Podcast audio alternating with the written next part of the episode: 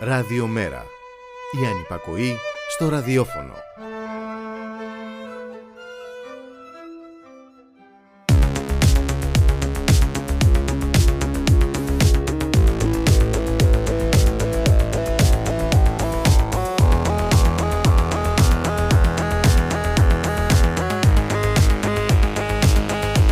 Γεια σας. Δύσκολες εποχές αυτές που περνάμε σήμερα. Αυτές τις εποχές γενικά. Καλησπέρα σας.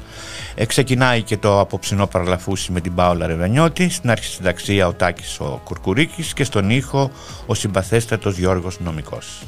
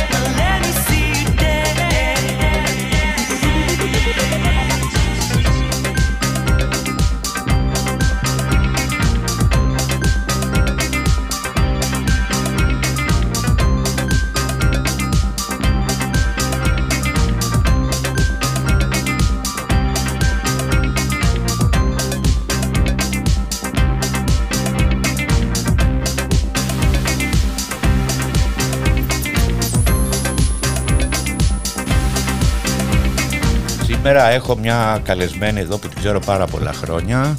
Τώρα με, την, με αυτή την καλεσμένη θα μπορούσα να μιλάμε μέρες και να πούμε ε, χιλιάδες ιστορίες. Τη Ραφαέλα. Καλησπέρα Ραφαέλα. Καλησπέρα Παόλα.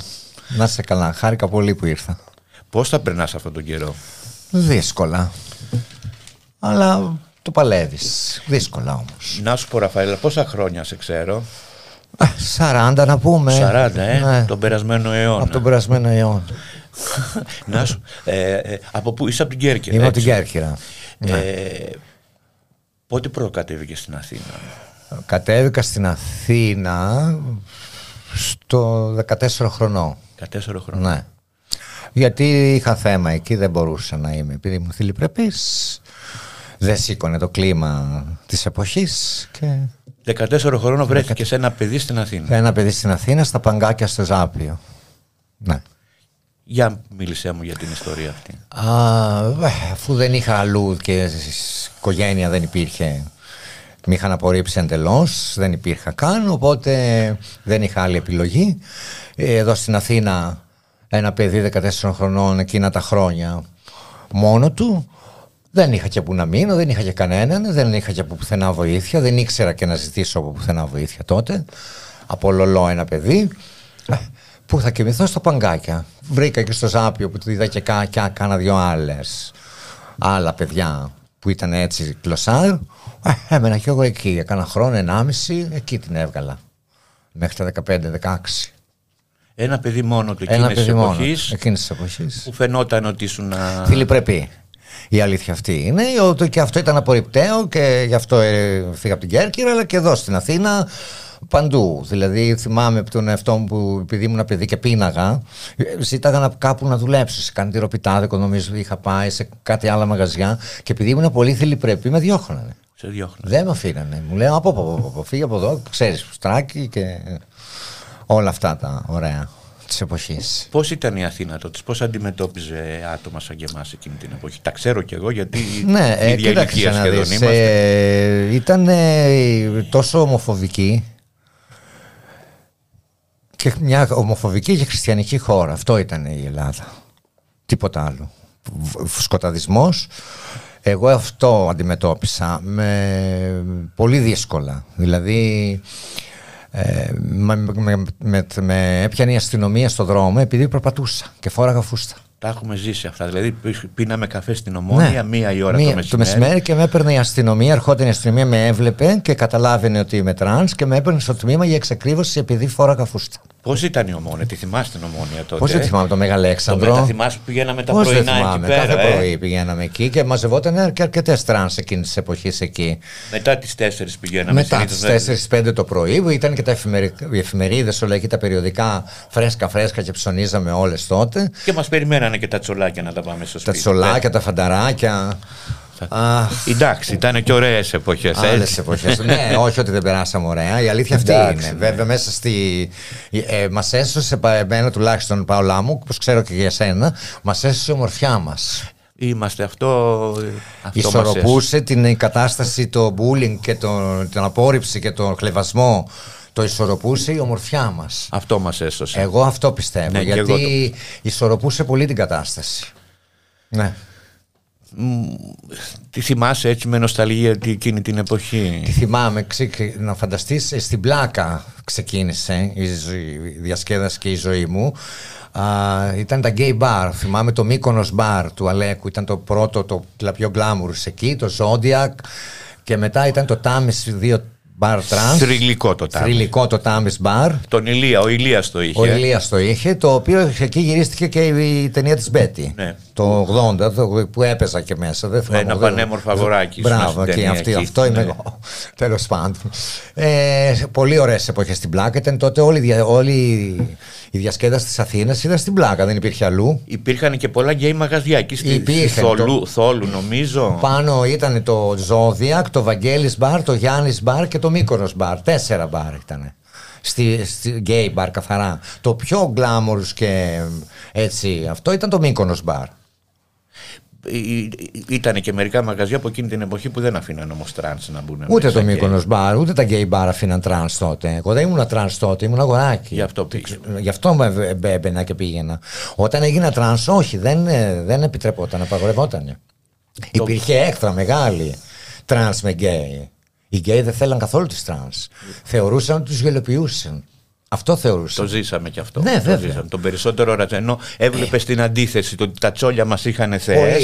Ε, Πηγαίναμε στον Μπουρνάζι, ας πούμε, και μας είχαν. τι, περιμένανε ουρά να με ανεβάσουν πάνω στο μηχανάκι τους, να με κάνουν βόλτα, Ναι. για να με δείξουν σαν γκόμενα ότι κοίτα τι ωραία γκόμενα που έχω πίσω μου. Και πηγαίναμε στα γκέι μπαρ και μας αφήναν Και μέσα. στα, στα γκέι μπαρ και είχαμε και έχθρα. Εγώ θυμάμαι από το ΑΚΟΕ. Ναι.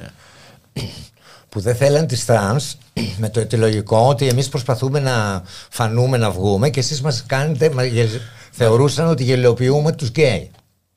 Το, ζήσα, Αυτό. το ζήσαμε το κι ζήσα το και ζη- αυτό, ζήσαμε βέβαια. κι αυτό. Τότε, εκείνα τα χρόνια. Είχε κάβλα όμως εκείνη την εποχή, Ραφαέλα. Αχ, έτσι. εκείνη την εποχή ήταν, ήμασταν όμορφες, Παολά μου, και ήταν τα Εντάξει, νιάτα. Οι αντίστοιχες όμορφες στη σημερινή εποχή όμως θα Όχι, ζούσαν αυτά όχι, που ζούσαμε όχι. εμείς. Όχι, γιατί, τα, τα, αγο- όχι, γιατί τότε τα αγόρια μας βλέπανε σαν κορίτσια. Δεν ήταν αυτό το θε- που είναι σήμερα. Πω, τι μας βλέπουνε Το- σήμερα; Και, και που έχει τόσο πολύ έχει η ορατότητα κλπ. Τότε μας βλέπανε σαν κορίτσια και μας φερόντουσαν.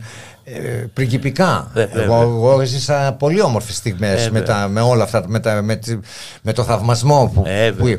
Είχαμε και βέβαια και το, από την κοινωνία το χλεβασμό. Τον είχαμε. Πολύ.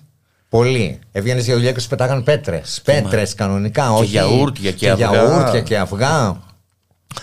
Και, α, και από τα τσόλια και τα γόρια που, μας, που κα- καυλώνανε μαζί μας ή, μας, ή- μας είχαν θέες και αυτό εξισορροπούσε λίγο την, την άσχημη πλευρά Και βγάζαμε και κάποια και λεφτά. βγάζαμε και χρήματα τότε. Η αλήθεια αυτή είναι. Για, και, γιατί είχε πολλή πελατεία.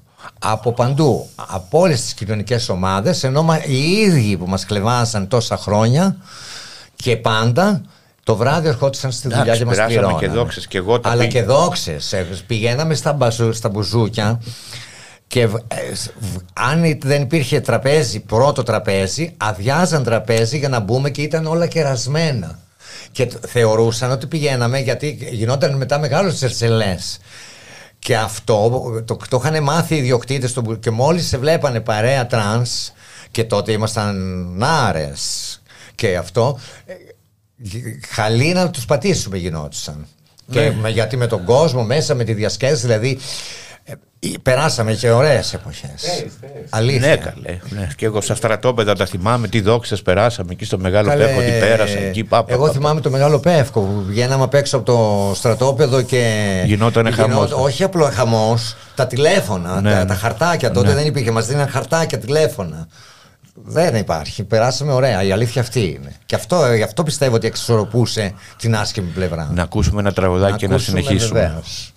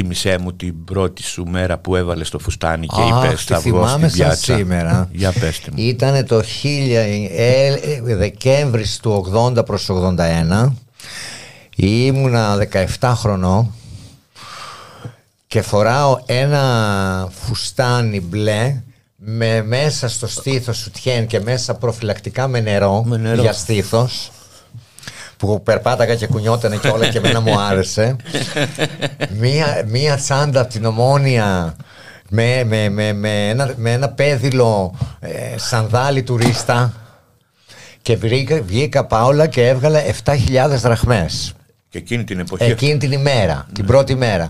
Εγώ 7.000 δραχμές στα χέρια μου δεν είχα ποτέ. Και τρελάθηκα. Και τι βγήκα, βγήκα και έκανα μια βόλτα από τη συγκρού από πάνω μέχρι κάτω και έβγαλα αυτή τη διαδρομή 7.000 δραχμές. Εκεί ήμουνα. Ξανά φύγα μετά. Πέρασαν 40 χρόνια από τότε. Ναι, το πρώτο κρατητήριο το θυμάσαι; Πολλά κρατητήρια, πολλά, Πολλά πρωτοθυμήθηκα. κρατητήρια. Πόσα Συνέχεια, αυτόφορα έχουμε; πολλά αυτόφορα. Πολλά αυτόφορα Μα περάσαμε μας όμως. πιάνανε και μας κυνηγάγανε. Τους και γιατρούς μας τους τραβάγανε. πρόλαβες που μας πηγαίνανε Πώς και δεν γιατρό. θυμάμαι, βέβαια. Κάθε δε, που έπρεπε να πας δύο φορές τη βδομάδα και δεν πήγαινες στο συγκρού Ναι. και, με, και στην ομόνια κάπου σε κάτι γρα- ε, για- ιατρία μας Στη πηγαίνανε. Φαβιέρο. Στη Εκεί, Φαβιέρο. εκεί. Πώς δεν πήγα, δύο-τρεις φορές. Που βλέπαμε και τη Γαβριέλα τα πρωινά. Ναι, έτσι. αμέ. Θυμάσαι τη Γαβριέλα. Ε, βέβαια, αλλά να σου πω, ήταν πολύ δύσκολα τότε με την αστυνομία. Γι' αυτό κάναμε και τις πορείες που κάναμε. Γι' αυτό μέχρι στο Καστρί φτάσαμε. Θυμάσαι, είχαμε πάει με την. α- Με την Αλώμα, δύο πούλμαν. Θυμάσαι. Μέσα στο, στην αυλή του, Ανδρέ- του Ανδρέα Παπανδρέου. Και στο δεν μας, Καστρί. περι... και δεν, τον... δεν μας περιμένανε οι Δεν μας αστυνομικοί περιμένανε και γιατί τους ξαφνικά είδανε- συνδυάσαμε και μπήκαμε μέσα και με ήρθανε, μας βγάλανε σηκωτέ μία-μία με τη βροχή που έβρεχε. Ναι. Και ήταν μέσα ο, του Παπανδρέου τότε, θυ- α, το θυμάμαι ακόμα, ο Κυπριανού που ήταν πρόεδρος της Κύπρου και εμείς είχαμε, θέλαμε να δια- και ήταν- βγήκε έξω η Κοκόλα. Ήταν θυμάμαι, η, μπροστά η, ήμουνα. η γραμματέας του. Και Και, μας λέει κοίταζε. κορίτσια, ε, και όντως όμως από εκεί και μετά. Σταματήσανε. Άρχισε η αστυνομία Να σταματάει. να σταματάει τους, τους ξυλοδαρμούς ε, Ο Γεωργακάκης. ο τον Γιωργακάκης, ο, ο άλλος ο... Ο Αρκουδέας δεν Ο μας- Αρκουδέας. Δεν μας πήρας, μας πήρας. ο Ναι, Αρκουδέας. και ο Αρκουδέας ήταν. Εγώ το Γιωργακάκη όμως θυμάμαι πολύ. Ναι. Που ήταν ο πιο... Κατέβαινε ο ίδιος με τις κλούβες στη Συγκρού και μας κυνηγάγανε για να μας πιάσουν και πιάνανε 30-40 και μας είχαν στην παλιά Μεσογει... στη Μεσογείο στην ασφάλεια πριν έρθουν στην Αλεξάνδρας 30 τρανς και πάμε στο δικαστήριο στη Σανταρόζα και δι- μαζί και ήταν και 30 γυναίκες ε, ιερόδουλες. Όλες τις γυναίκες τις αθωώνουν και αρχίζουν. Τι- Με το που το ανεβήκαν τρανς στην έδρα, 40 μέρες, 50 μέρες και αντιδράσαμε εμείς και γίνεται χαμός στα δικαστήρια και μας πιάνει η αστυνομία και μας δικάζει 17 τρανς, ένα χρόνο φυλακή την καθεμία και μας κλείσαν φυλακή. Τρέχαμε με την Αλόμα, Αμέ. θυμάσαι τα δικαστήρια, Ναι. φωνάζαμε. Πολλές φορές. Τους Ε, σου λέω, κάτους. μας βάλανε φυλακή. Γιατί αγωνιζόμασταν για να μην τρώμε ξύλο. Περάσαμε, α- αυτά είναι τα άσχημα. Τα καλά όμως, Τα καλά όμως είναι περισσότερα. για πες μου έτσι, Περα- ε, μας- αστείες, α, α, α, αστεία περιστατικά που σου έχουν Κοίταξε να στο δεις, ε, πεζοδρόμιο Στο που γινόταν. πεζοδρόμιο τα αστεία περιστατικά είναι με τους πελάτες. Για πες μου. Γιατί εγώ βγήκα ως κορίτσι. Ναι. Μου- Η εικόνα μου ήταν πολύ κορίτσι. Και μου άρεσε αυτό. Οι πελάτες δεν με βλέπανε και τόσο κορίτσι. αυτό δεν μου άρεσε. Αλλά το έπρεπε να το συνηθίσω γιατί ήταν τα λεφτά. Αυτά μου φάνηκαν στην αρχή παράξενα. Μετά το Δηλαδή, μετά το συνήθισα γιατί δεν περίμενα ας πούμε ε, α, που έβλεπε έναν κύριο με κουστούμι ε, σοβαρό, με μουστάκι τέλος πάντων να μπούμε στο δωμάτιο και εγώ εκεί που περίμενα Πόσο τον έχεις να να ρωτάει με και- ρωτάει Ναι. ή να θέλει να μου κάνει να, να είμαι εγώ ενεργητική που εγώ ήμουν κοριτσάκι. Λοιπόν, εκεί λίγο σοκαρίστηκα, αλλά συνήθισε και λέω εντάξει, αυτό είναι. Να σου πω, οι, πάντως οι, οι πιο σταθεροί πελάτες ε, που πηγαίνουν σε τρανς, που πηγαίνανε σε τρανς ήταν οι περισσότερο αυτοί που θέλανε μια τρανς να είναι ενεργητική απέναντι. Μόνο, μόνο, και πολύ. Και πολύ. Μεγάλο ποσοστό. Αν δεν υπήρχαν αυτοί, δεν θα βγάζαμε λεφτά. Και είναι λογικό. Γιατί ένας που δεν ε, γουστάρει, ας πούμε, δεν γουστάρει γιατί εγώ ε, ουσ- μπορεί να είμαι η, η θηλυ- θηλυκή εικόνα μου, αλλά έχω πουλάκι. Ναι. Κάποιος που το, δεν τον αφορά το, αυτό το θέμα δεν, Δεν ασχολείται. ασχολείται καθόλου. Εμείς τόση δουλειά που είχαμε είναι από ανθρώπους που γουστάρανε αυτό. Μια γκόμενα με πουλί. Αυτό. Και επειδή η εικόνα μου ήταν αυτή, αυτό πουλάγα. Και με αυτό βιοπορισόμουν κιόλας. Και βγάζαμε και πολλά Βγάζαμε λεφτά. αρκετά λεφτά. Η αλήθεια αυτή είναι. Δεν είχαμε μυαλό γιατί ήμασταν. Και ήταν και εποχές δύσκολες. Πληρώναμε πολύ ακριβότερα τε- την αποδοχή εμείς. Εγώ θυμάμαι, πήγαινα στο κομμωτήριο. Η μία πελάτησα θα πλήρωνε, ας πούμε, 10 δραχμές, εγώ θα πλήρωνα 50. Τα πλήρωναμε διπλά. Πληρώναμε τριπλά. Για και ένα νίκη, αν μας νοικιάζανε ένα σπίτι που δεν μας νοικιάζανε, αλλά όταν μας νοικιάζανε, αντί να πληρώνουμε 200 ας πούμε δραχμές ή 300 που ήταν, εμείς θα πληρώναμε 800. Δύσκολα Και να αυτό βρούμε σπίτι. Πολύ δύσκολο. Δεν βρίσκαμε. Συνήθως σε κάτι Συνήθως υπόγεια βρίσκαμε. Ή βάζαμε κάποιον άλλον με την ταυτότητά του να πάνε να τον νοικιάσει και μπαίναμε εμείς μέσα. Εμάς δεν μας νοικιάσε κανείς. Και στο τέλος μαζεύαν υπογραφές και, Και μας μας διώχναν διώχνανε. και μας διώχναν από τις Και χωρίς πολυκατοικίες. να υπάρχει θέμα. Ναι. Απλά επειδή ε, υπήρχε μια τρανς. Υπήρχε πολύ κακοποίηση τότε από την κοινωνία. Πολύ. Αλλά σου είπα, εξισορροπούσε επειδή ζήσαμε και ωραία. Και επειδή είχαμε τα, τα, τους ωραιότερους κούκλους κάθε βράδυ Πάρα- για να μας περιμένουν. Αυτό και ξέρεις τι. Ε, μας πολεμήσε η κοινωνία πολύ άσχημα, αλλά εμείς το καταφέραμε όμως. Και αυτό είναι πολύ σημαντικό. Και περάσαμε και πολύ ωραία. Που δεν το ήθελε η κοινωνία. Η κοινωνία ήθελε να περάσουμε άσχημα. Εμείς όμως περάσαμε πολύ ωραία. Οι κούκλοι που μας περιμένανε καθημερινά και τα χρήματα που βγάζαμε και τα ταξίδια που κάναμε και τις... Α, έστω που πληρώναμε την αποδοχή της γνώσης μας. Και έρωτες και έρωτες και αγάπες. Έρωτες, αυτο... απόπειρες αυτοκτονία Ναι, ναι, κάναν ναι, τα ναι, αγόρια εκείνη την εποχή. Θυμάμαι να σου πω ένα Να με περιστατικό. πάνε στη μαμά του Πάολα, Ναι. που και εγώ να του λέω μωρό μου, μη επειδή είσαι καψούρη εσύ, η μαμά δεν θα το δεχτεί έτσι, γιατί δεν είναι. Και να μην το καταλαβαίνουν. Και εγώ να προσπαθώ να τα προφυλάξω. Δηλαδή είχαμε ωραίες φάσεις. Έχει- Ήταν ωραίες εποχές τότε και μας αγαπούσαν πραγματικά τα τζόλια. Θυμάμαι εγώ τον Γκάλαξ, θα ήμουν εγώ 20-22 χρονών. Τότε έμενα σε ένα υπόγειο στην, ε, στο Παγκράτη. Πώς λέγεται, που είναι κοντά το παρκάκι, το πάρκο. Λοιπόν, πα- μόνο υπόγεια βρίσκαμε. Λοιπόν, και δεν το άνοιγα να μπει μέσα και επειδή δεν το άνοιξα να μπω μέσα, πάρει ένα ξηράφι και κόβει τις φλέβες. Ναι, ναι, ναι. Τέτοια ναι, το έχω πράγματα. ζήσει κι εγώ αυτά. τέτοια ναι. Το πράγματα έχω ζήσει. ζήσαμε. Καλέ, να πέσει από τον μπαλκόνι ήθελε ένας, επειδή του έλεγα σε παρακαλώ, γιατί γινόταν, γινόταν και πιεστικοί. Λόγω της καψούρας γινόταν πιεστικοί. Μην τους αφήσουμε. Γιατί περνάγανε και ωραία μαζί μας, η αλήθεια είναι. Κάναμε ωραίες ζωές και τα ακολουθούσαν αυτά. Είμαστε και καβλιάρες. Ε, λίγο είναι αυτό. Όχι. Ε, και πολλοί καβλιάρες, όχι απλά καβλιάρες. δεν το συζητώ. η, η, η αλήθεια είναι το ότι επειδή το πεζοδρόμιο δεν το διαλέξαμε εμείς, ήταν κατά Όχι, ανάγκη. ήταν εξαναγκασμός. Εξαναγκασμός. Δεν ξύπνησε ένα πρωί και είπαμε τι θα κάνουμε σήμερα, θα βγούμε για εξεργασία. Δεν είχαμε άλλη επιλογή. Και- Όπως δεν είχαμε επιλογή, ένα λεπτό να σου πω, όπως δεν είχαμε επιλογή στο να σπουδάσουμε. Εγώ ήθελα να γίνω, ας πούμε, αστροφυσικός. Αστροφυσικός θες να γίνεις. Αμέ. Μάλιστα. Έχω τρέλα με το διάστημα, την αστροφυσική, την αστροβιολογία. Μ' αρέσει. Και ασχολούμαι. Τέλος πάντων, δεν μου το αφήνει. Με, κλωτσ- με διώξανε με τις κλωτσιές πρώτη γυμνασίου. Και δεν με αφ- ξαναφήσαν να. σ- Γιατί, γιατί ήμουν, λέει, θηλυπρεπής και δεν συμβάδισα στα ήθη της εποχής. Και έτσι έμεινα εγώ χωρίς να μπορώ να αξιοποιήσω σπουδές που ήθελα. Και σε ρίχνανε στο πεζοδρόμιο. Και δε, δουλειά δεν μπορούσες όχι να βγεις, ούτε να βγεις την ημέρα δεν μπορούσες. Και ξαναγκας... ή θα βιοποριζόμουν μόνο εάν έβγαινα πεζοδρόμιο ή αν έκλεβα. Επειδή εμένα δεν μου αρέσει και δεν το έχω στην κλοπή, ε, βγήκα στο πεζοδρόμιο. Το μου άρεσε μετά η αλήθεια είναι. Γιατί υπήρχε αυτή η- ο θαυμασμός, η κάβλα, το χρήμα, όλα αυτά τα, τα ζήσαμε στο, στο, στο έπακρο. Οπότε μου άρεσε από ένα σημείο και μετά. Αλλά δεν ήταν επιλογή μου. Δεν ξεκίνησα από επιλογή.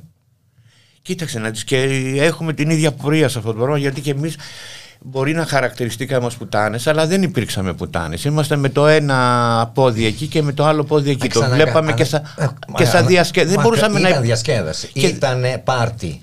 Και δεν μπορούσαμε να Ζήσαμε υπάρξουμε πάρτι. και αλλού. Πα- Αυτό λέω εγώ ότι εξισορροπήθηκε πολύ όλο αυτό το αρνητικό της κοινωνίας γιατί περάσαμε πολύ καλά σαν ένα πάρτι. Με τα χρήματά μας, με την αξιοπρέπειά μας, με το θαυμασμό από πολύ κόσμο που μας άρεσε, μας κάβλωνε. Γιατί ήταν πιτσιρικάδες αγόρια και τρελνόντουσαν για μας Με την αποδοχή σε διάφορες Τη νύχτα όμως Τη νύχτα ήμασταν, είχ- είχαμε αποδο... μας αποδεχόντουσαν όλοι Πότε α- Ήμασταν πεταλούδες της νύχτας Πότε άρχισε να καλυτερεύει η κατάσταση για τις τρανς, ποιες εποχές; Μετά το 95 ας πούμε Μετά το 90. Ναι, ε, βέβαια. Μετά άρχισε, ναι, ναι, γίνεται λίγο πιο... Ξέρεις, ε, υπήρξε και εποχή που ε, φταίγανε και οι τρανς σε έναν βαθμό γιατί βγαίνανε, βέβαια οι εκπομπές βγάζανε καλτ καταστάσεις που μπέρδευαν τον κόσμο και δεν μπορούσε να καταλάβει τι είναι μια τρανς. Και αν, είναι, αν ε, μπορεί να είναι ένας άνθρωπος σοβαρός, λογικός, με ε, λογική σκέψη, με μια φυσιολογική ζωή. Δεν το ήξερε αυτό ο κόσμος. Ναι, αλλά- Α, έβλεπε στην τηλεόραση κάτι καλτ, καταστάσεις, κάτι... Αλλά ε, ο κόσμος όμως, ε, τουλάχιστον ο, νεαρό, ο νεαρό κόσμος και, ο, ε, με, και οι πιο μεγαλύτερες ηλικίες είχαν εξοικειωθεί περισσότερο με τις τρανς και μας βλέπανε πλέον πιο ανθρώπινο γιατί βλέπανε με ένα ωραίο βυζί, ένα ωραίο κώλο αλλά με Κοίτα τη να δεις. συζήτηση, με όλα αυτά να Ε, βλέπανε ότι ε, είμαστε ε, άνθρωποι. Θυμάμαι ότι σχετικά ε, όλα, όλα εκείνα τα χρόνια έναν γκέι και μία τρανς τότε δεν λέγανε γκέι λέγανε μία αδελφή ε, είχα, περνάγαν πολύ πιο, πιο καλά μία τρανς παρά ένας γκέι τον γκέι το χλεβάζαν περισσότερο Να πούμε ένα τραγουδάκι, να ακούσουμε ένα τραγουδάκι. When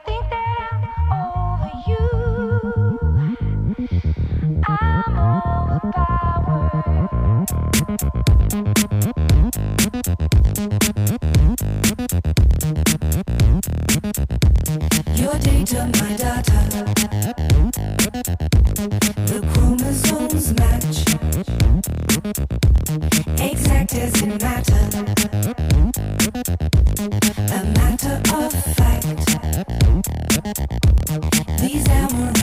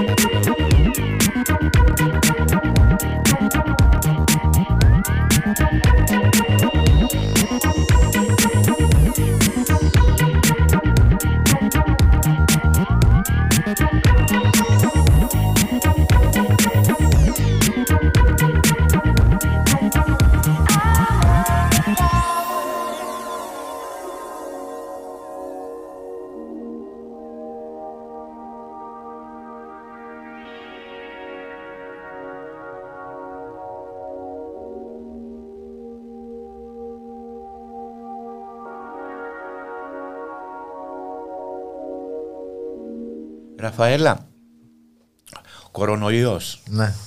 καραντίνα. Καραντίνα.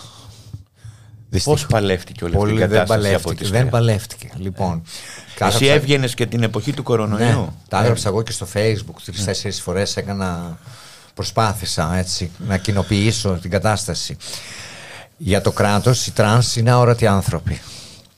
Δεν υπάρχουμε πουθενά. Δεν υπάρχουν ασφάλεια, ούτε ιδιωτική μπορούσες να κάνεις, δεν υπάρχει ούτε Ναι, ούτε και ασφάλιση. ιδιωτική ασφάλεια δεν μπορούσες Όχι, να αφήσεις. Δεν σε όχι γιατί αφήνανε. σε τρανς δεν σου επιτρέπανε, ούτε ιδιωτικές. Πόσο μάλλον το δημόσιο. Η δουλειά μας είναι στον αέρα, μαύρα. Γιατί δεν- έτσι θέλησαν οι κυβερνήσεις, θα μπορούσε να μην είναι. Ήταν έτσι. Με αποτέλεσμα που κόβουν τη- το, που- το πρώτο lockdown, μένουμε ξεκρέμαστες. Αφού δεν μπορούσαμε να βγούμε για δουλειά. Δεν, είχαμε, δεν έχουν όλες background. Έξι μήνες, ένα χρόνο να κάθονται και να βε- πληρώνουν νοίκια, ρεύματα. Δεν είχαν. Δεν έχουμε. Αλήθεια είναι αυτό. Μετά τους πρώτους δύο-τρεις μήνες ξεκίνησε να υπάρχει θέμα βιοπορισμού για την πλειοψηφία των τρανς ανθρώπων. Δεν είχαν να πληρώσουν το νοίκι τους. Τρει-τέσσερι που έμαθα βγήκαν στο δρόμο, τις πετάξαν έξω. Και κοιμόντουσαν στα παγκάκια. Κάνα δύο-τρεις ακόμα μένουν σε υπόγεια χωρίς ρεύμα. Γιατί δεν υπήρχε από πουθενά, όπως παίρνανε όλοι ε, τα 500 ευρώ αυτά που παίρνανε και βιοποριζόντουσαν, εμείς δεν παίρναμε τίποτα από πουθενά. Οι πιο κακεντρεχείς ξέρεις τι θα πούνε, το έχω ακούσει και εγώ πολλές φορές να το λένε. Τόσα λεφτά βγάλατε. Ωραία. Γιατί δεν τα κρατήσατε. Δεν είχαμε μυαλό. Τα, δεν τα, τα φάγαμε. Πέρα, ε, κάναμε ζωή, πληρώσαμε παραπάνω γιατί έτσι ήθελε η κοινωνία να ζήσουμε αυτή τη ζωή. Εντάξει, δεν ήταν. Λοιπόν, ωραία, τελεία. Στην κρίση, εμείς δεν δουλέψαμε τόσα χρόνια. Ζητήσαμε εμείς να μην. Εμείς προσ- θέλαμε να έχουμε ασφάλεια. Θα την πληρώναμε, δεν μας είχαν τσάμπα, όπως πληρώνει όλος ο κόσμος. Δεν μα δεν μας επιτρεπόταν τίποτα από αυτά. Τι θα κάναμε εμείς, Πώς, με το ζόρι, από πού; Ούτε ιδιωτικά. Και να θε, ήθελα εγώ που έβγαζα λεφτά. Ιδιωτικά που το προσπάθησα, η αλήθεια αυτή είναι. Και στη- σε δύο-τρεις, μπορώ να τις ονοματίσω, αλλά τέλος πάντων. Σε δύο-τρεις ασφάλειες ιδιωτικές. Με διώχνανε. Όχι, λέει, δεν μπορούμε. Λέει, γιατί είσαι τρανς η ζωή σου είναι κάθε μέρα σε κίνδυνο και δεν, δεν, έχουμε, δεν σε ασφαλίζουμε. Από πού θα έχουμε εμείς, Έχουμε ένα background να περάσω δύο, τρεις, τέσσερις μήνες. Αυτό κρά- κράτησε όμως πολύ. Και έβγαινα παρόλα για δουλειά με την καραντίνα, με το φόβο και να με σταματήσει η αστυνομία. Που ευτυχώς δεν μας σταματεί, γιατί μια φορά με ρώτησε, λέω τι να κάνω. Πάρε με μέσα. Εγώ δεν έχω να πληρώσω τον νίκη μου. Και ο άνθρωπος κατάλαβε και έφυγε. Τι να, τι να πει; Δεν είχαμε να φάμε ουσιαστικά από ένα σημείο και μετά. Και αν δεν υπήρχαν και κάνα δύο-τρία σωματεία που μα- όπως το ΣΥΔ, όπως η θετική φωνή, όπως το Ουρέ- Ρέ- Ρουέ Ομπρέλα και μας, δώσε- μας δώσανε και ενίσχυση οικονομική, κάποια ρεύματα πληρώσανε και κάποια τρόφιμα, πολλές δεν θα είχαν να φάνε ουσια- ε, αντικειμενικά, ουσιαστικά, όχι μεταφορικά. Αυτό ε, με, το, με τον κορονοϊό. Και όσο- όσο συνεχίστηκε, ε, πολλές ε, ξέρω ότι δεινοπαθούν και μένουν χωρίς ρεύμα. Και ζουν χωρίς ρεύμα γιατί δεν έχουν την οικονομική άνεση να πληρώσουν και δεν υπάρχει βοήθεια από πουθενά. Οι πιάτσες υπάρχουν, εκεί, δουλεύει κόσμος, κυκλοφορεί κόσμος. Ναι, βγαίνει. εντάξει, τώρα ξανά άρχισε λίγο να ξανακινείται το πράγμα. Και βγαίνουν κάποια παιδιά και στη Συγκρού και στις πιάτσες και στην Καβάλας βγαίνουν αναγκαστικά. Τι θα κάνουν. Αφού δεν υπάρχει άλλος, άλλος τρόπος βιοπορισμού. Τι να κάνουν. Και, και βγαίνουν και με παιδιά που είναι κάποιας ηλικίας, λίγο μεγαλύτερη σαν και εμένα, που δεν είναι πια τώρα όταν λέμε του στραβού το δίκιο για αυτή τη δουλειά. Η δουλειά αυτή έχει ημερομηνία λήξης. Εντάξει, πολλά παιδιά δεν το καταφέραν οικονομικώς γιατί η ζωή τα έφερε έτσι. Τώρα τελεία. Δεν θα ψάξουμε τώρα, δεν θα αλλάξει κάτι. Ωραία. Και αυτά τα, δηλαδή τι θα κάνουν, δεν έπρεπε επειδή, εγώ άκου για ποιο λόγο, γιατί η κοινωνία σε ανάγκασε να είσαι σεξεργάτρια και να ζεις αυτή τη ζωή στο, σε υπό, σα, ως υπόκοσμος, γιατί αυτή το, κα- το ήθελε έτσι. Λοιπόν έχει μερίδιο ευθύνης και το κράτος και η κοινωνία. Και α, ε, το απαιτούσα ότι αφού εγώ τώρα σήμερα σε αυτή την ηλικία δεν με, δεν, μπο- δεν με αφήσατε να έχω κάποια ασφαλιστική κάλυψη να μου δώσετε επίδομα. Το δικαιούμαι. 40 χρόνια, εγώ είμαι στο πεζοδρόμιο. Και, και, και, 40 χρόνια πόσα έχεις πληρώσει το κράτος από τα αυτόφορα και από τα δικαστήρια; Πληρώναμε 300.000 δραχμές το αυτόφορο και μας παίρνανε τρεις φορές τη βδομάδα αυτόφορο και μας δικάσαν 30 μέρες για πορνεία. Παπαριές, να τα λέμε στην ναι, αλήθεια. Ναι, ναι. Λοιπόν, τα ήταν το Τα ναι. Γιατί δεν είχαν από πού να μας τα πάρουν και μας τα παίρναν από εκεί. Πληρώναμε τουλάχιστον το μήνα 1-1,5 εκατομμύριο δραχμές σε αυτόφορα. Μας τα πήρε το κράτος, τα βαζείς κανονικό. Λοιπόν, σήμερα, επειδή μεγαλώσαμε, είμαστε ξεκρέμαστες και δεν έχουμε. Εάν κάποιες που, που κάνανε χρήματα είναι τυχερές. Η, η, πλειοψηφία που δεν τα κατάφερε για χίλιους δύο λόγους, σήμερα δεινοπαθεί. Και με την κρίση ακόμα χειρότερα αυτό με τον κορονοϊό. Να ακούσουμε ένα τραγουδάκι.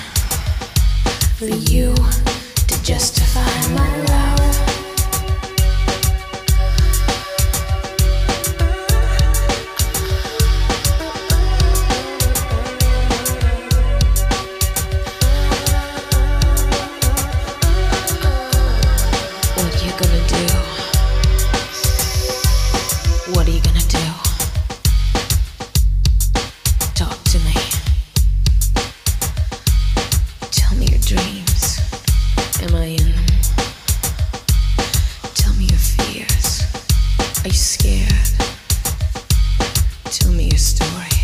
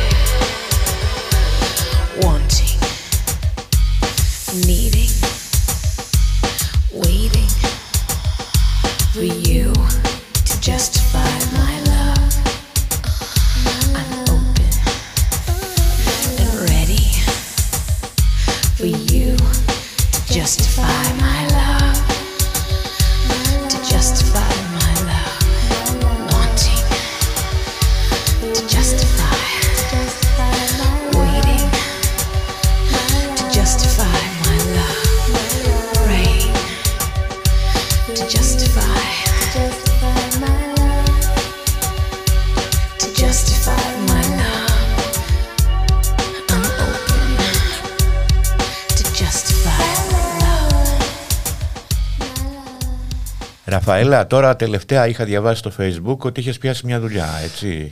Ναι, ήταν ένα πρόγραμμα του ΑΕΔ ναι. το οποίο συμπερίλαβε σε επιδοτούμενο πρόγραμμα για εργασία ε, σε ιδιώτες και διαφιλικά άτομα. Εγώ βρήκα έναν εργοδότη, έναν φίλο το δηλαδή, έχει γίνει φίλος μου, πολύ καλό παιδί, ο οποίος δέχτηκε να με προσλάβει, αφού ήταν και επιδοτούμενο, σε ένα ηλεκτρολογείο. Ε, έκανα τα χαρτιά μέσω ΟΑΕΔ και όντως με προσέλαβε από το Δεκέμβρη, τον προηγούμενο και έτσι τώρα ε, σταμάτησε η σεξε- σεξεργασία και δουλεύω κανονικά 8 ώρα το πρωί. Είναι εύκολο όμως. ε, ε, Αυτό για να γίνει, αυτά είναι πολύ θε- θετικά πράγματα που γίνονται μέσα από τον ΟΑΕΔ. Αλλά ε, η ένστασή μου είναι το ότι μία τρανς πρέπει να ξέρει όμως κάποιον εργοδότη. Ναι, αν δεν τον ήξερα δεν θα γινότανε. Άρα- Όχι, ήταν φίλος μου. Και μα εγώ- δεν- μα, α, ε, το αποτελέσμα του αυτό δεν έχει ξανα... Άλλη δεν υπήρξε. Γιατί Από δεν, αυτό το ποια, πρόγραμμα. ποια τρανς ξέρει η εργοδότη να την Γιατί προσλάβει; δεν, ε, δεν, δεν, δεν υπάρχουν εργοδότες. Ενώ υπάρχει το πρόγραμμα, δεν υπάρχουν εργοδότες. Και ξέρεις τι έχω ακούσει. Και εκεί αντιμετώπισα λίγο πρόβλημα με τους πελα... οι πελάτες. Ναι. Υπήρξαν περιπτώσεις που ευτυχώς που το αφεντικό μου ε, είπε η Ραφαέλα είναι αυτή και όποιος δεν θέλει να μην έρθει στο μαγαζί. Γιατί αντιμετώπισες πρόβλημα. Ε, μια τρανς τώρα τι δουλειά έχει εδώ. Και λέει η Ραφαέλα, θα κάτσει εδώ που είναι. Και με το τσαμπουκά του, να σου πω έτσι, το αφεντικό, με επέβαλε. Υπήρχαν θέματα. Φαντάσου τώρα ένας που, δεν, που ήταν φίλος μου. Ένας που δεν έχει και να θέλει δηλαδή να έχει θετική σκέψη να, βα- να προσλάβει ένα τρανς άτομο φοβάται για την πελατεία του. Σου λέει η κοινωνία θα το απορρίψει και θα έχω θέμα στο μαγαζί. Είδες που ξεκινάει από την παιδεία ξεκινάει. Έχεις, είχες σκεφτεί ποτέ έξω, ε, είχες σκεφτεί ποτέ να, να φύγεις έξω; Εγώ είχα σκεφτεί κάποια εποχή να πάω στο Βερολίνο όταν ήμουν 25. Να σου πω κάτι, 26. αν ήμουν τώρα 30 χρονών θα είχα φύγει. Θα Θα, έχεις ήμουν- φύγει. θα είχα φύγει, όχι θα είχα φύγει, θα είχα φύγει εντελώς. Και δεν θα ξαναγύρναγα. Αλλά τώρα σε αυτή την ηλικία που να πάω; Πού να πάμε; Ναι, είμαστε μεγάλες. Πάει. Εντάξει. Πέρασαν τα χρόνια. Παολά μου, περάσαμε ωραία. Εγώ έχω να θυμάμαι πολλά. Πολλές, Εκτός το, το, το, αυτά τα άσχημα που λέμε, έχω να θυμηθώ πάρα πολλές όμορφες Ε, βέβαια, στιγμές. βέβαια, βέβαια. Οπότε. Οι ζωές που ζήσαμε, Ραφαέλα, Έτσι. και εσύ και Αλλά εγώ. έτσι με αυτό με τον ΟΕΔ, ναι, είναι, το, και είναι μεγάλη διαφορά τώρα. Φαντάσου, από εκεί που είμαι σε 40 χρόνια στη νύχτα, τώρα εδώ και κάποιους μήνες, ξυπνάω πρωί, 7 με 8 η ώρα, είμαι 8.30 ώρα είμαι στο μαγαζί. Καμία σχέση ο ένας κόσμος της νύχτας με τον κόσμο. Άλλος κόσμος. Συνηθίζεται. Στην αρχή δυσκολεύτηκα λίγο. Αλλά συνηθίζεται. Εντάξει. Πιο χαλαρά πράγματα, χωρίς πολλές εντάσεις. Για πες μου για έρωτη στη ζωή σου. Κάποιον που τον είχες αγαπήσει πάρα πάρα πολύ και εσύ Ναι, και σε εγώ αγαπήσει. ξέρεις ποιο ήταν το λάθος. Μ' αγαπούσα ανθρώπους που δεν έπρεπε. Ήμουνα καψουρογκόμενα. Αλήθεια είναι αυτό. Και αγαπούσα ανθρώπους που δεν το άξιζαν ουσιαστικά. Γιατί έπεφτα με τα μούτρα στην καψούρα. Και με καψε- καψουρεύαγε εγώ πολύ κόσμο. Και επειδή καψούρευα πολύ κόσμο, εγώ δεν ήθελα αυτούς που με γουστάρανε. Πήγαινε αυτό που δεν με ήθελε. Κόλλαγα. Και πέρναγα καλά. Με- Τον έκανα και με ήθελε. Και μετά βαριόμουν, δηλαδή, αλλά πολύ καψούρα. Ε, πολύ έρωτα. Πέρασα πολύ ωραία και έκανα και σχέσεις. Ε, κάνα δύο, δύο ή τρεις, τρεις μακροχρόνιες, μία 7 χρόνια, άλλη 6 χρόνια και πέρασα ωραία. Και αυτός που και, με- και γονείς γνώρισα παιδιού που με αποδεχθήκανε, που στην αρχή τσινήσανε, αλλά βλέποντας πώς περνάει το παιδί τους και με τα χρόνια και με αποδεχτήκανε και στο σπίτι τους με βάλανε μετά από δουλειά βέβαια. Εγώ το δούλεψα αυτό γιατί ήθελα. Και πέρασα ωραία, είχα, είχα ωραίους έρωτες. Η αλήθεια αυτή είναι. Ραφαέλα, ποιο ήταν το όνειρό σου σένα στη ζωή; Να γίνω αστροφυσικός. Ναι. Ναι. Ήθελα να σπουδάσω αστροφυσική. Μου άρεσε φοβερά και ασχολούμαι χρόνια, πο- πάνω από 30 χρόνια με την αστροφυσική από χόμπι, διαβάζοντας, βλέποντας ντοκιμαντέρ, ε, ασχολιόμουν με τα, ο- τα πάντα, ό,τι υπάρχει. Ε, που είμαι λάτρης του Στίβεν Χόκινγκ, ας πούμε, του Einstein κλπ. Α, και αυτό θα ήθελα, αυτό ήταν το όνειρό μου.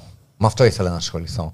Δεν με αφήσανε τότε που να με τα σχολεία και αυτά με τον Μπούλικα. Τελείωσε. Τώρα. Με την οικογένειά σου έχεις καλές σχέσεις; Όχι, δεν είχα ποτέ. Βασικά δεν είχα ποτέ οικογένεια. Από τα 13 μου δεν είχα οικογένεια. Ήμουνα μόνο μου. Είχες μεγαλώσει και σε ίδρυμα. Ήμουνα, ήμουνα μεγαλωμένος στο ορφανοτροφείο. Ναι. Γιατί η οικογένειά μου, επειδή ήμουν ανώθο παιδί, Ναι. εκείνα τα χρόνια ήμουν μπάσταρδο. Και ξέρεις, τα πετάγανε, δεν τα θέλανε στο σπίτι γιατί ήταν και μικρή κοινωνία στην Κέρκυρα, με αποτέλεσμα να με βάλουν στο ορφανοτροφείο. Και μεγάλωσα εγώ σε ένα ίδρυμα χωρίς αγάπη, χωρίς παιδεία. Ξέρεις, απ- αλλαλού. Ένα ίδρυμα και εκείνα τα χρόνια ήταν αποθήκες ψυχών. Αυτό. Ε, τι περίμενες. Και όταν πήγα- πήγα 14 χρονών και με διώξανε, που ήμουν στην Κέρκυρα στο φαντροφείο, η οικογένεια βέβαια δεν ήθελε καν να ακούσει επειδή ήμουν και θηλυπρεπής. Ε, και κατέβηκα στην Αθήνα και έτσι ξεκίνησα μετά από τα παγκάκια της Αθήνας. Με τη μάνα σου έχεις σχέση; Με τη μάνα μου έφτιαξα τις σχέσεις εγώ γιατί και δι- εγώ πλησίασα γιατί αυτή είναι μια γράμματη γυναίκα που φταίει για πολλά και εντάξει. Αλλά τώρα αυτή με γέννησε. Πάω και τη βλέπω, είναι 80 χρονών τώρα, χωρίς να νιώθω τίποτα, ούτε να συγχωράω για, για τίποτα. Όμως δεν υπάρχει και λόγος να την ε, πικράνω. Είναι μια μεγάλη γυναίκα. Πάω και τη βλέπω. Δεν δείχνω ότι συμβαίνει κάτι. Δεν δείχνω τα συναισθήματά μου γιατί είναι αρνητικά. Και έτσι σαν, σαν, ανθ- σαν άνθρωπος το βλέπω. Ότι δεν υπάρχει λόγος να, να την φέρω σε δύσκολη θέση. Περασμένα, περάσανε, δεν αλλάζει κάτι. Δεν αλλάζει τίποτα. Φιλενάδες τρανς; Δύσκολο πράγμα. Έχω φίλες τρανς. Αλλά οι τρανς είμαστε δύσκολοι ανθρώποι. Για εξήγησέ μου το. Ναι, έχουμε μεταξύ μας μπορεί να φταίει και το, η, ο, τόσο χλευασμός και τόσο αρνητισμός που εισπράττουμε. Είμαστε λίγο επιθετικές και μεταξύ μας είμαστε και λίγο ζηλιάρες. Με τα τσόλια είμαστε λίγο αντιγωνιστικές. Εγώ με τη Φέη πάντα Και σκοτωνόμαστε. έτσι. Θυμάσαι. Φε είναι πολύ φίλη μου, κολλητή Και εγώ μου. την αγαπάω Η τη Φέη, οποία, άμα, ναι. η οποία είναι πάρα πολύ σωστή απέναντί μου γιατί με βρίζει συνέχεια η Φέη.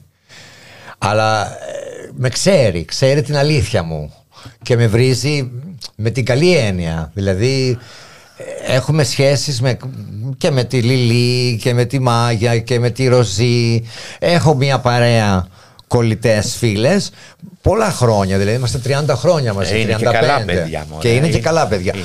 Ναι. Έχει βγάλει καλά παιδιά. Έχει ο πολλά, κόσμος. πολλά. καλά παιδιά. Αλλά Δεν φαίνονται τα καλά να παιδιά. σου πω κάτι, μεταξύ μας είμαστε λίγο ανταγωνιστικές. Ε, Κι εγώ έχω τραβήξει από τις τρανς. Πα, πα, πα, πα, πα. Είμαστε λίγο ανταγωνιστικές μεταξύ μας.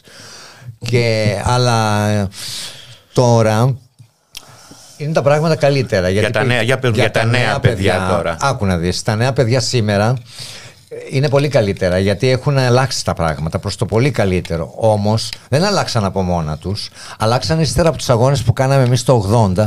Τους αγώνες που έκανες εσύ τη δεκαετία του 80 που έβγαζες στο κράξιμο θυμάμαι και που διάβαζε κόσμος, άρχισε ο κόσμος να, μπαίνει στο, σε- να, να μπαίνουν στα σπίτια του ε, η ΛΟΑΤΚΙ κοινότητα που δεν υπήρχε. Υπήρχε μόνο ο Φίφης στο σινεμά και η Φτερού.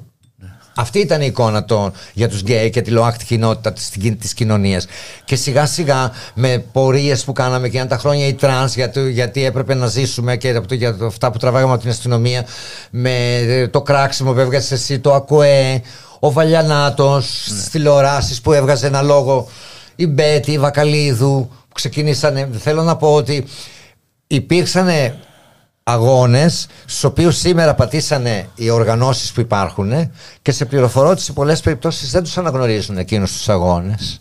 Γιατί εκεί πατήσανε η συνέχεια η σημερινή. Και χαίρομαι που σήμερα τα παιδιά ανα- σπουδάζουν τρανς αγόρια, τρανς κορίτσια σπουδάζουν μπορούν να σπουδάσουν μπορούν να νοικιάσουν σπίτια μπορούν να δουλέψουν, μπορούν να πάνε και πανεπιστήμιο πράγματα που κατακτήθηκαν με πολύ αγώνα.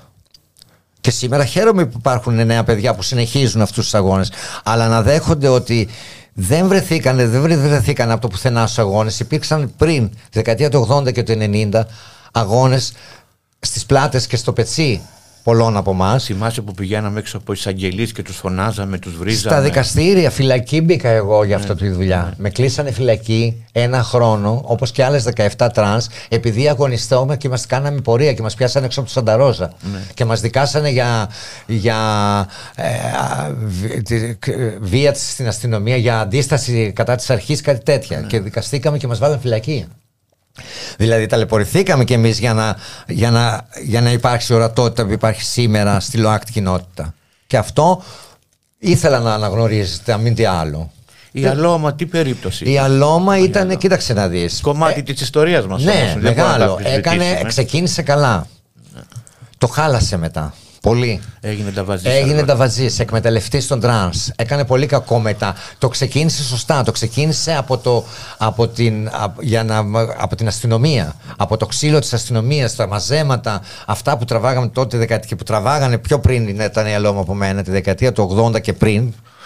Λοιπόν, και αναγκαστικά δεν είχαν ή θα πεθαίνανε ή θα τη σκοτώνανε ή θα, θα, θα αντιδρούσανε. Και αντιδράσαμε με άσχημο τρόπο, με επιθετικό κι εμείς, γιατί δεν ξέραμε. Αλλά η Αλώμα το ξεκίνησε έτσι και, ξεκίνη, και χάρη της Αλώμα γίνανε και πολλές πορείες, να το λέμε αυτό. Ναι, ναι. Όμως μετά το χάλασε. Άρχισε να εκμεταλλεύεται, να κάνει τα καλυστία που ήταν. Όλα αυτά που έκανε βέβαια φέρνανε την κοινωνία κοντά στις τρανς Όπως τα καλλιστεία τραβεστί από τη δεκαετία του 80. Όμως το εκμεταλλευόταν, έβγαζε λεφτά. Ως εκεί σωστά. Μετά άρχισε να εκμεταλλεύεται τις τρανς στην πορνεία. Και εκεί το 'χασε.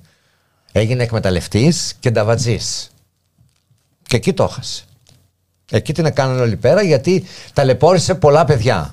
Για να βγάλει λεφτά στο κορμί τους. Ναι, και εμάς στην Καβάλα είχε Ναι, δημιουργήσει. βέβαια. Δεν έβγαζε στην καβάλα στα τροχόσπιτα και έβαζε μέσα τρανς και δουλεύανε και τους έπαιρναν τα μισά λεφτά. Ναι, ναι, το έχω ζήσει. Δεν, είχα πώς δουλέψει. θα γίνει; Ε, Μετά τις Βουλγάρες. Ναι, τις βουλγάρες. Ξεκίνησε από τις Ελληνίδες. Μα και ταινίες έκανε. Ε, Τσόντες με τρανς και έβγαζε λεφτά. Και δεν, δεν, δεν, δεν έδινε στις τρανς τίποτα. Δηλαδή εκμεταλλεύτηκε πολύ τις τρανς μετά. Και άσχημο τέλος είχε. Το τέλος από ό,τι ξέρω κάηκε. Κάηκε, ναι. Η οποία ξέρεις τι από ό,τι κάηκε, από ό,τι έχω ακούσει, που ισχύει. Έχει βάλει φωτιά μόνη της για να κατηγορήσει μια άλλη της έκαψε το σπίτι. Το έχει ξανακάνει αυτό πιο παλιά. Ναι, το έχει κάνει πολλές φορές. Και το ξανά έκανε και έτσι κάηκε και πέθανε. Εδώ είχε κλείσει δύο τρανς φυλακή ότι της ρίξανε, λέει, μολότοφ ε, στο αυτοκίνητο. Και, τι- και άλλες πολλά χρόνια στα δικαστήρια τις είχε. Πολλές, το ξέρω, ναι, άσχημη περίπτωση. Είχα- να είχαμε την αστυνομία, να είχαμε και ναι, την ναι, Αλώμα. ναι, να είχαμε και την αλώμα. Ενώ ξεκίνησε σωστά, ε, το, το, πήγε πολύ λάθος μετά, ναι, με την αλώμα. Να ακούσουμε ένα τραγουδάκι.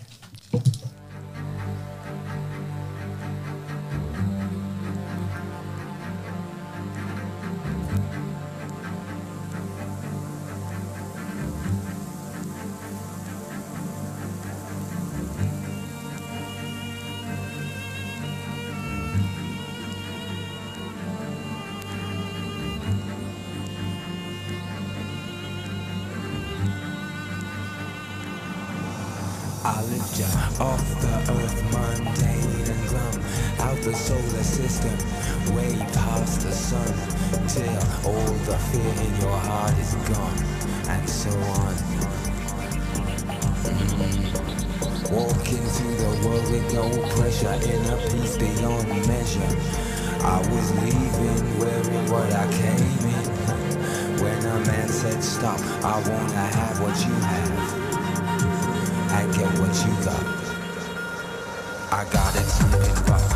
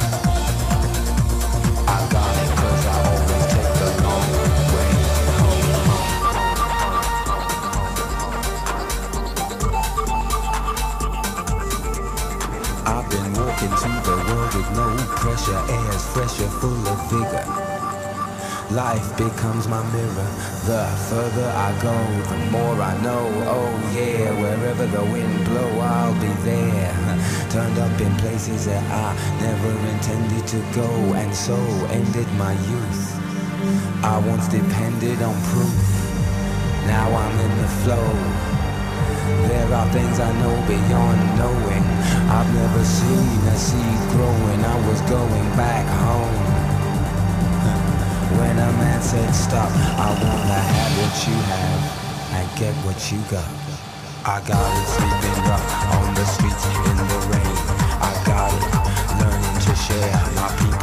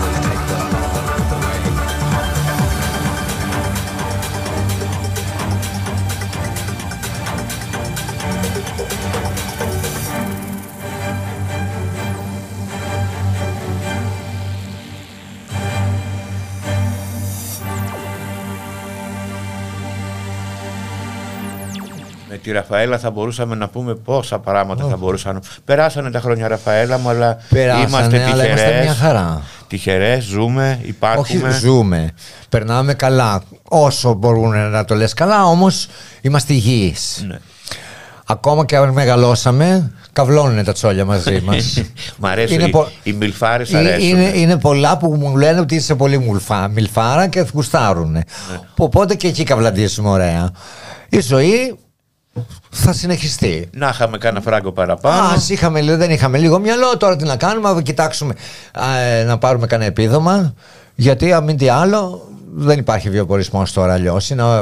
Τώρα με τη δουλειά που είμαι εκεί, εγώ κάτι καταφέρνω. Ε, έτσι. Κάτι από εδώ, κάτι από εκεί. Δεν υπάρχει άλλη επιλογή. Αυτό είναι. Η ζωή Αλλά συνεχίζεται. περνά- δεν, ε, είμαστε υγιείς, Ναι, Παολά μου. έχουμε την υγεία Είμαστε μας. υγιείς και εγώ, εγώ πιστεύω ότι και καλά.